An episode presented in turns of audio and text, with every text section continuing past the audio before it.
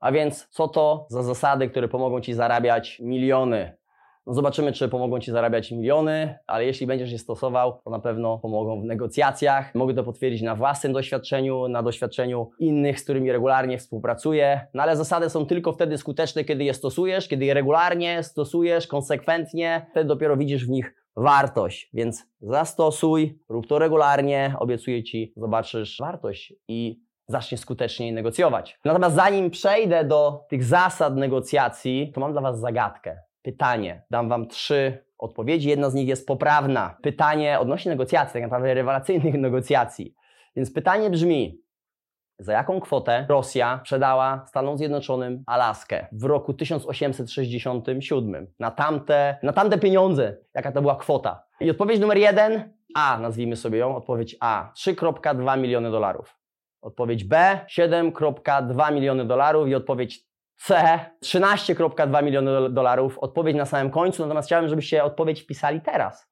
No przetestujcie siebie, wpiszcie odpowiedź tu i teraz, zanim zaczekacie do końca tego materiału, a na końcu udzielę Wam poprawnej odpowiedzi. Więc przechodząc do naszych zasad skutecznych negocjacji. Numer jeden, efekt.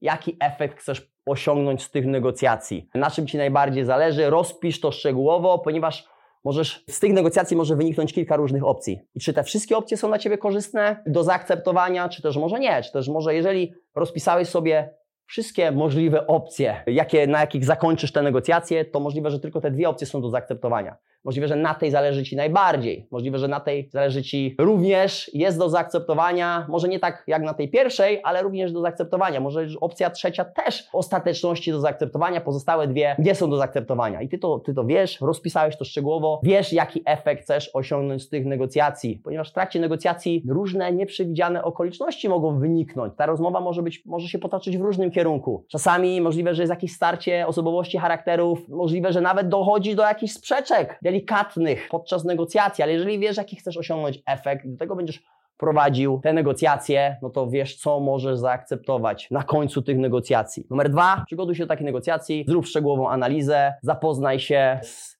tym os osobami, albo nie tyle zapoznaj się, ponieważ możliwe, że tych osób, osób wcześniej nie poznasz, możliwe, że będzie to tylko rozmowa telefoniczna, możliwe, że w ogóle nawet nie będzie żadnego kontaktu, ale możesz pozyskać jakieś informacje odnośnie tych ludzi, firmy, czy to będzie jedna osoba, z którą będziesz rozmawiał negocjował, czy to będzie kilka osób, czy będą dwie osoby, jak ma na imię, jaki wiek, możliwe, że co lubią, możliwe, że jakie mają hobby. Podczas negocjacji naprawdę dobrze jest użyć, użyć jakiś, jakiś hobby. Możliwe, że jest wspólna pasja, dyscyplina sportowa, którą jesteście obydwoje zaangażowani, czy wszyscy są zaangażowani. Samochody, świetna opcja porozmawiać sobie o samochodach w trakcie negocjacji. Znajdźcie jakiś wspólny temat, który możecie omawiać. Wyluzuje to trochę atmosferę, atmosferę negocjacji. Jest to skuteczne, to, to, to działa. I tak naprawdę ta rozmowa jest przeprowadzana w przyjemniejszy sposób, jeżeli znajdziecie jakiś fajny, wspólny, wspólny, wspólny temat. Natomiast ważne jest, jest, aby się do tego przygotować. Numer trzy, wczuj się w rolę drugiej strony. Zastanów się, na czym im najbardziej zależy. Jakie są dla nich opcje, jakie efekty chcą wyciągnąć z tych negocjacji. Czy je znasz, czy wiesz, jeżeli te negocjacje potoczą się w takim kierunku,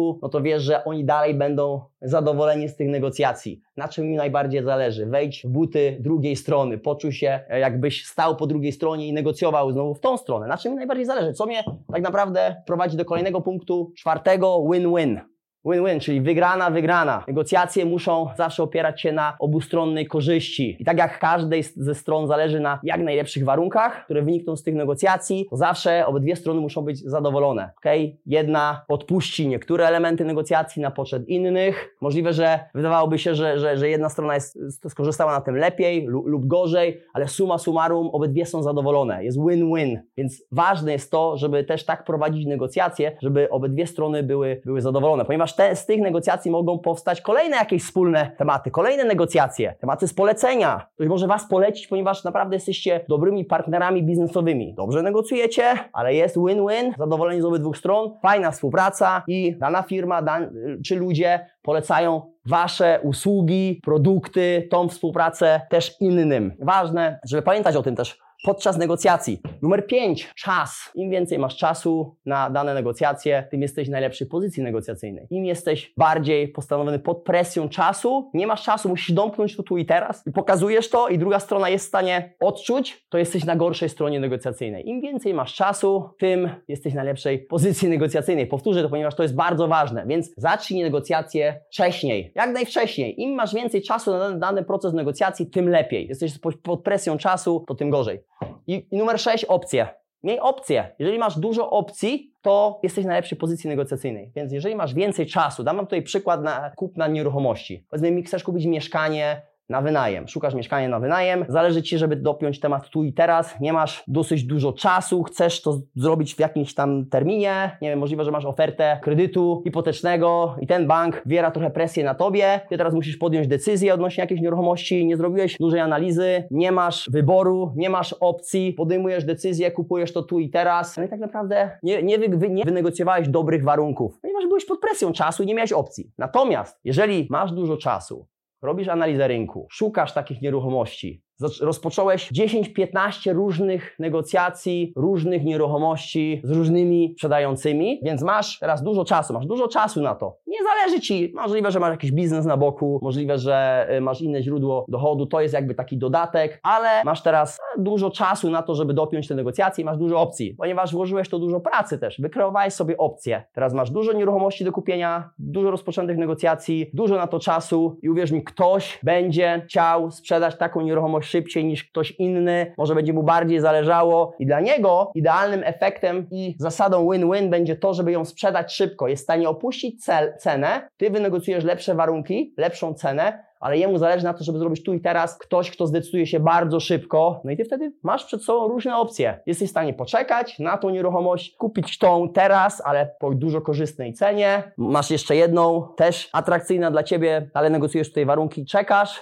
dużo czasu, nie zależy Ci, żeby zrobić to tu i teraz. Możesz poczekać miesiąc, dwa, nawet trzy, ale zależy Ci na fajnym temacie, fajnym dealu. Więc masz opcję i masz czas na to. Więc im więcej opcji, im więcej czasu w negocjacjach, cokolwiek negocjujesz. Powierzchnię najmu, kupno samochodu, kupno motocykla, nieruchomości, materiałów, budowlanych, nawet jakichś, jeżeli masz więcej opcji, dużo firm, z którymi negocjujesz, dużo firm, z którymi negocjujesz, masz dużo czasu na to, to jesteś w stanie wynegocjować lepsze warunki. Więc podsumowując, sześć zasad. Jeden, jaki efekt? Przygotuj się do negocjacji, czuj się w rolę drugiej strony, wejdź buty drugiej strony, win-win, czyli wygrana, wygrana, każdy musi się cieszyć, cieszyć z tych negocjacji. Czas, im więcej masz czasu, im więcej masz opcji, tym jesteś na lepszej pozycji negocjacyjnej. Moi drodzy, mam nadzieję, że materiał Wam się podoba, jest wartościowy. Jeżeli tak, to udostępnij go dalej. Napisz w komentarzu, jeżeli masz jakąś, jakieś pytanie do mnie, naciśnij na dzwoneczek, aby otrzymywać regularnie powiadomienia o tym kanale, kanał e, Biznes Mania. A odpowiedzią na pytanie, które zadałem na początku materiału, pytaniem było,